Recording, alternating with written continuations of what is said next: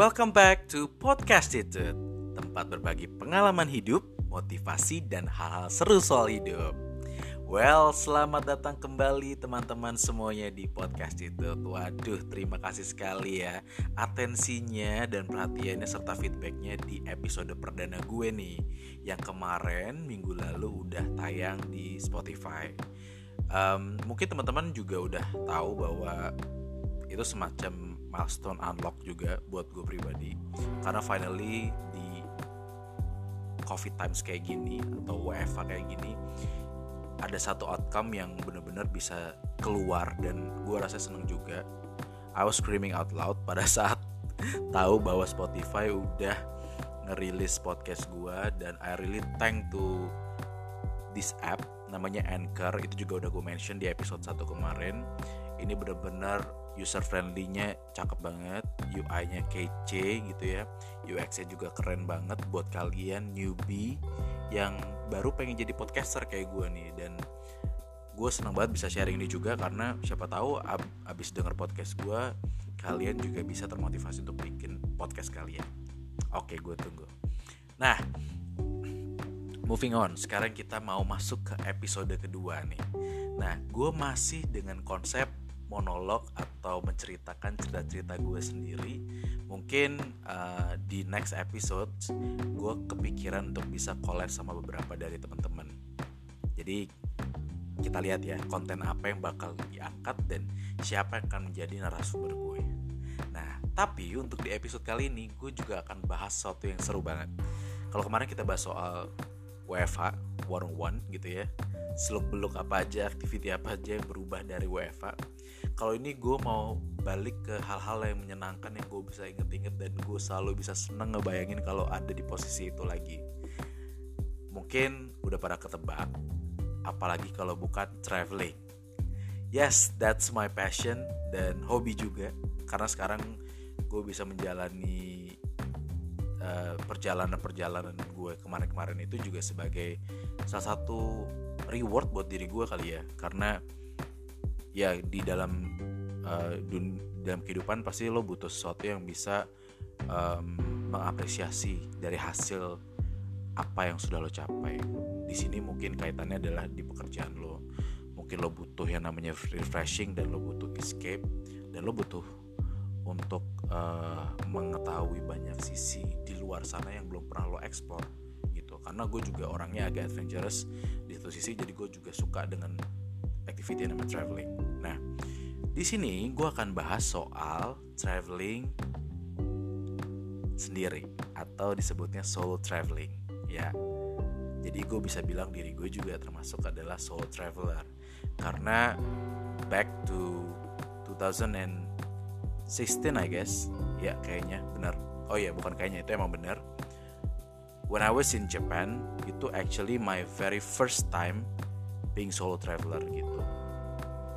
Tapi sebelum lanjut ke cerita solo traveling gue, mungkin gue di sini sekalian juga mau uh, apa ya express my gratitude juga karena kalau nggak sama mereka gue mungkin juga nggak bisa explore macam-macam karena the very first time when um, apa namanya gue gue nyemplung atau gue kepingin untuk jalan-jalan nih sama mereka. Jadi uh, di tahun 2009 itu adalah actually pertama kali gue uh, pergi overseas gitu ya traveling overseas sama teman-teman gue ini. Namanya ada Fikri ada Tasya ada Nia ada Sandy atau Di Hai semuanya mungkin lagi dengerin ya.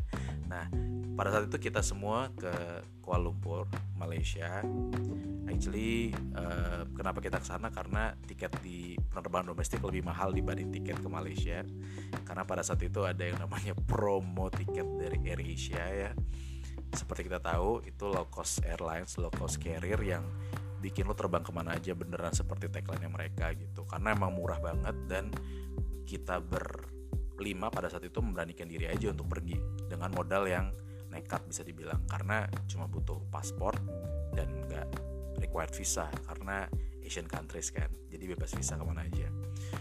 Nah um, dari situ gue merasa perjalanan traveling gue makin tahun makin kepingin yang lebih lagi lebih jauh lagi lebih jauh lagi gitu. Nggak cuma di domestik gue juga punya pengalaman traveling di domestik biarpun belum pernah menyentuh Indonesia Timur to be honest. Tapi untuk uh, beberapa um, destinasi favorit domestik yang kayak dari Sabang sampai Komodo udah pernah gue rasain ya. Artinya empat pulau besar di Indonesia udah gue sorry lima pulau besar kecuali Papua itu udah pernah gue datengin. Sumatera, Kalimantan, Jawa of course ya. Terus Bali, Nusa, Tenggara, Nusra kemudian Sulawesi itu udah pernah gue eksplor tempat-tempatnya. Tapi gue juga pengen banget untuk bisa ekspor more di Indonesia. Nah tapi geser sedikit yang akan gue bahas ini mungkin akan lebih banyak bahas soal uh, experience gue ketika gue traveling ke luar negeri. Nah, bicara soal solo traveling, kenapa sih harus ada yang namanya solo traveling gitu? Kenapa nggak bisa rame-rame? Ya, banyak banget reasonnya gitu. Dulu gue sangat enjoy dan sama teman-teman gue itu uh, kita pergi ke mana-mana gitu. Kita ke Hong Kong bareng, kita ke Vietnam bareng, Ho Chi Minh, kemudian kita ke Singapura bareng, kita ke Bangkok bareng. Banyak banget uh, pengalaman-pengalaman yang gue lakuin sama teman-teman yang gue sebut tadi pertama ketika kita bareng-bareng ke Malaysia dan sekarang bisa dibilang jadi teman-teman traveling gue as time goes by mereka juga ternyata punya punya another priority yang mereka uh, lakuin dalam hidupnya mereka yaitu ya tadi fase kehidupan manusia aja basically. Akhirnya ada yang kepikiran untuk menikah mempunyai keluarga punya anak punya priority lain atau di pekerjaan mereka nggak bisa dapat cuti dan lain-lain. Sehingga itu menjadi hambatan menurut gue pribadi untuk gue mengajak mereka untuk pergi gitu.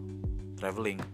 Nah berdasarkan reason itu gue melihat bahwa lo nggak akan bisa rely on siapa pun akhirnya ketika lo punya desire yang kuat untuk traveling. Sehingga menurut gue solo traveling itu adalah kesempatan di mana lo bisa mengaktualisasikan diri lo dan lo mempush diri lo di comfort zone lo gitu.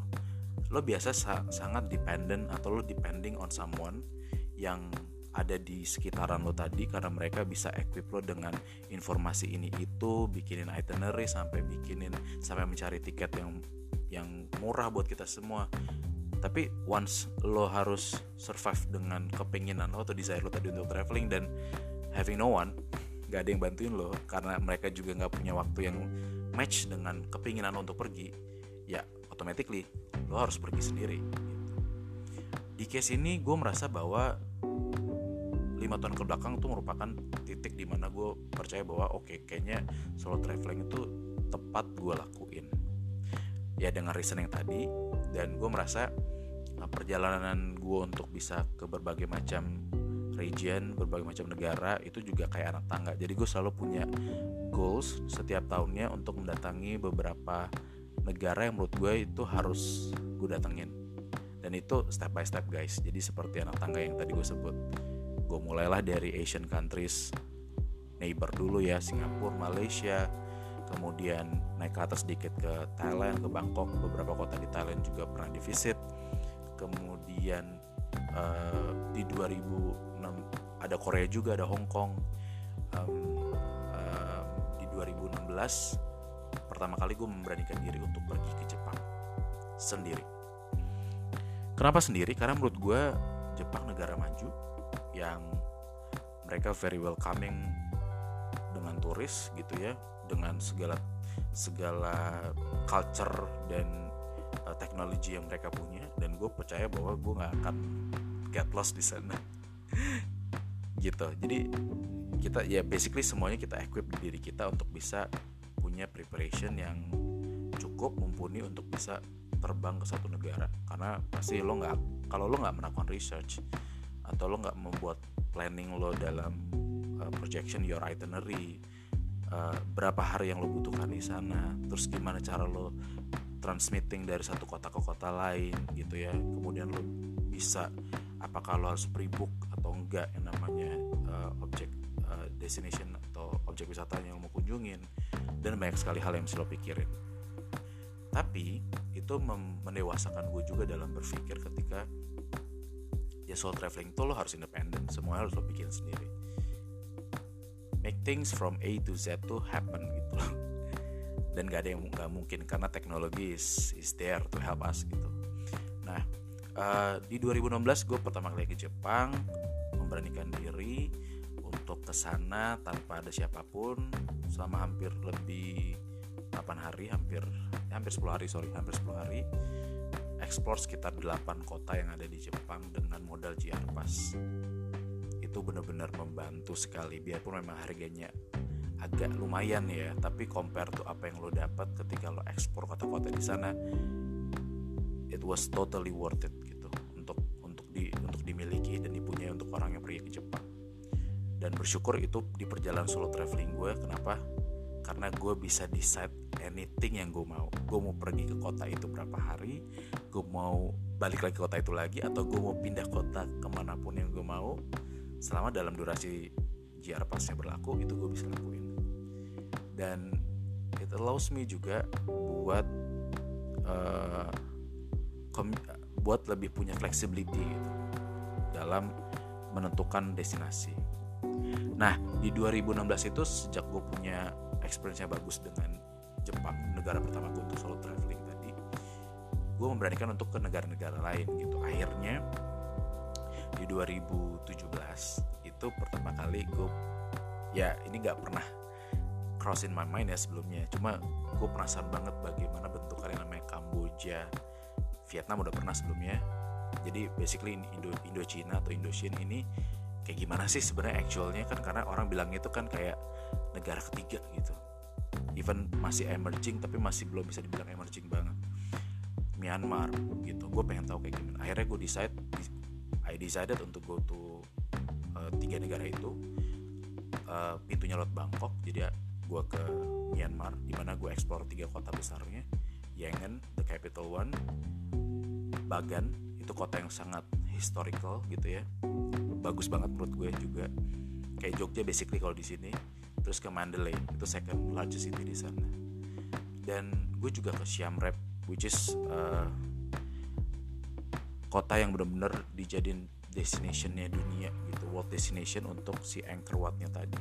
Ya basically iconic juga kayak kayak Candi Borobudur yang ada di Jogja atau ada di Jawa Tengah.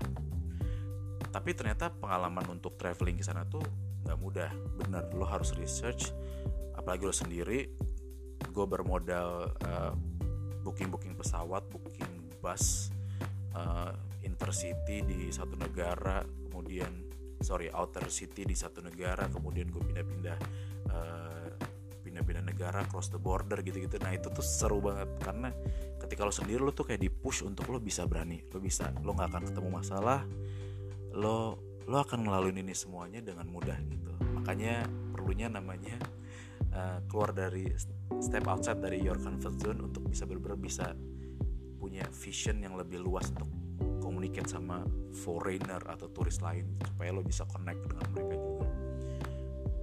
Nah lepas dari situ gue explore another uh, negara Bangkok Singapura. Ya itu basically neighbor ya. Jadi mungkin ya nggak terlalu banyak hal yang bisa diekspor karena udah pernah visit sebelumnya. Nah di 2018 gue ke Turki ini menarik karena for the first time gue decided untuk menggunakan jasa travel agent. Tapi gue nggak jalan sendiri gue jalan dengan teman gue nih ya. Sorry. Um, di Turki sendiri kenapa gue akhirnya decide untuk pakai si travel agent? Karena gue menyadari untuk menjangkau beberapa kota yang gue tuju yang sesuai dengan impian gue itu sangat amatlah costly gitu. Jadi gue ternyata butuh yang namanya jasa travel agent untuk membantu arranging semuanya. Dan gue pakai jasa travel agent dalam negeri yang kerjasama sama affiliate sama uh, tour and travel yang ada di Turki gitu. Dan itu it was very smooth dan gue banyak sekali explore tempat memang dengan limitation ya karena kalau tour dengan travel agent tuh intinya adalah kalian di bus gitu ya. Most of the time most of the travel duration tuh kalian di bus aja gitu. Karena untuk pindah-pindah itu juga butuh waktu dan makan tempat. Tapi one of the bucket list yang gue bisa share itu gue finally bisa naik hot air balloon. Itu yang bener-bener apa ya memorable sampai sekarang kebayang masih uh, apa suasananya vibe-nya terus di atas gimana tuh masih kebayang sampai sekarang. Dan emang hal yang gue tuju waktu ke Turki adalah lewat itu. Tapi gue gak nyesel sama sekali dengan ada travel agent. Gue gue pakai travel agent karena itu membantu gue juga untuk dapat harga yang hemat juga secara paket untuk menjangkau banyak tempat. Nah after itu ternyata rasa penasaran gue makin tinggi gitu dan gue merasa jangkauan gue harus lebih luas. Jadi ya tadi balik lagi ke anak tangga. Prinsip anak tangga yang gue lakukan dalam kehidupan gue juga baik di karir ataupun di hobi gue ini traveling uh, finally gue memberanikan diri untuk oke okay, gue kayaknya harus punya destination yang lebih jauh lagi dan gue harus sendiri lagi gitu. Akhirnya di 2018 akhir di Christmas holiday gue beranikan diri juga untuk ke Europe gitu. Gue nggak pernah imagine bahwa gue finally bisa arrange trip sendiri ke Europe dengan berbekal tanya kiri kanan teman-teman uh, tetangga tetangga atau traveler yang udah pada pernah biasa menginjakan kaki duluan. Karena gue pengen tahu bagaimana susahnya untuk arranging trip ke sana gitu. Karena uh, Eropa kan bukan hal yang bukan hal bukan negara yang susah dijangkau gitu. Karena banyak direct uh, direct atau uh, transit uh, flight yang ada dari Jakarta yang langsung ke mereka langsung ke beberapa negara uh, under Europe gitu. Um, tapi yang menyenangkan adalah gue punya ambisi pada saat itu untuk bisa ke berbagai macam negara. Jadi waktu itu gue sempat membuat plan gue bisa ada di 8 negara dalam waktu dua minggu. Karena gue ke sana total menghabiskan waktu 14 hari di mana gue akhirnya explore 8 negara. Mungkin kedengarannya agak ambisius tapi ya itulah gue. Kalau untuk solo traveling gue selalu punya ambisi bisa mencapai banyak uh, destinasi gitu. Tujuannya karena gue pengen lihat culture yang berbeda. Secara root mereka mungkin uh, bangsanya quite similar one to another gitu ya. Cuma ada histori yang berbeda dari Eropa Barat, Eropa Tengah sampai Eropa Timur dan gue sudah gue sudah melalui beberapa negara itu biarpun belum semuanya. Tapi untuk yang play a big part di Euro tersebut udah gue coba dari udah sorry udah gue visit dari Prancis kemudian Netherlands Belanda ke Jerman uh, masuk ke tengah ke tengah sorry Austria nggak sempat kemarin. Tapi gue ke Eropa ke timur ke Hungaria ke Budapestnya it was very beautiful city by the way. Terus ke Prah. Ini juga cantik banget. Gue spend uh, my New Year Eve di sana gitu. Itu kota dua dua kota tercantik sih di Eropa Timur yang gue belum pernah ke Eropa Timur yang timur banget. Cuma gue bisa bilang bahwa dua kota itu tercantik so far yang pernah gue kunjungin uh, di Europe gitu. Nah dan gue turun ke selatan which is ke uh, Roma Venice dan mampir ke Switzerland sebentar sekali Swiss um, dan itu menurut gue banyak hal yang gue lihat di sana dan banyak tempat dan culture yang berbeda yang gue pahami. Dan kayak contohnya nih uh, Eropa Timur Eropa Barat tuh ber completely different gitu secara culture. Mereka juga um, kalau bisa dibilang Netherlands tuh sangat lebih lebih open karena lo akan gampang ketemu orang yang berbahasa Inggris dengan baik dan merespon lo ketika lo bertanya compare to Paris ya tuh biasa nih. Tapi untuk Eropa Timur yang lainnya yang gue datangin pun juga sama. Mereka juga open dengan turis apalagi mungkin turis Asia kan uh, gue cukup banyak lihat banyak turis Asia pada saat sana. Dan kita gue biasa juga sempat ketemu beberapa teman dari couchsurfing coach server yang gue temuin di sana karena kita sama-sama solo traveler gitu jadi emang kita join community aja atau activity bareng-bareng di mana kita bisa spend time hari bareng-bareng untuk mempelajari kota atau negara tersebut. Um, di situlah gue memberanikan diri untuk tadi solo traveling. Karena again dari solo traveling lo akan bisa banyak akan banyak hal yang lo dapat nanti akan gue bahas di episode selanjutnya ya. Jadi tenang aja stay tune Nah, di 2019 which is uh, tahun lalu gitu ya, itu juga ada satu sorry sebenarnya ada dua negara yang gue juga uh, pengen banget untuk gue kunjungi dan beras berhasil gue kunjungin uh, UK dan Iceland gitu. Karena gue merasa UK dan Iceland itu punya tempat yang spesial ya buat traveler gitu ya. Karena gue lihat UK ya UK itu home for footballers gitu. Jadi kayak orang yang suka Premier League um, orang akan visit stadium tour gitu. Mereka akan visit stadiumnya dan pasti akan join the stadium tour atau mungkin lebih bersejarah tempat-tempat Liverpool gitu untuk The Beatles. Nah itu tuh punya story yang berbeda. Gitu jadi apalagi UK is part of Europe Euro tapi memang agak berbeda mereka.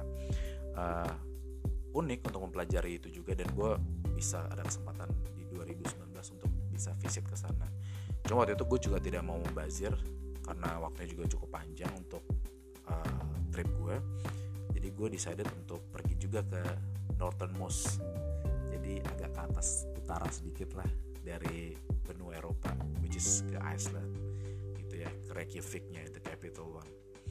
Um, dan beberapa tempat di luar di luar Reykjavik ya pasti soal untuk uh, apa namanya untuk hunting aurora untuk hunting atau apa namanya waterfall hopping gue bisa gue sebutnya karena kayak Iceland tuh kayak home for waterfalls gitu. Jadi banyak banget waterfalls yang bisa lo temuin. Even di jalan aja lo temuin ada yang bagus banget gitu. Karena secara geografik mereka emang emang bagus banget gitu.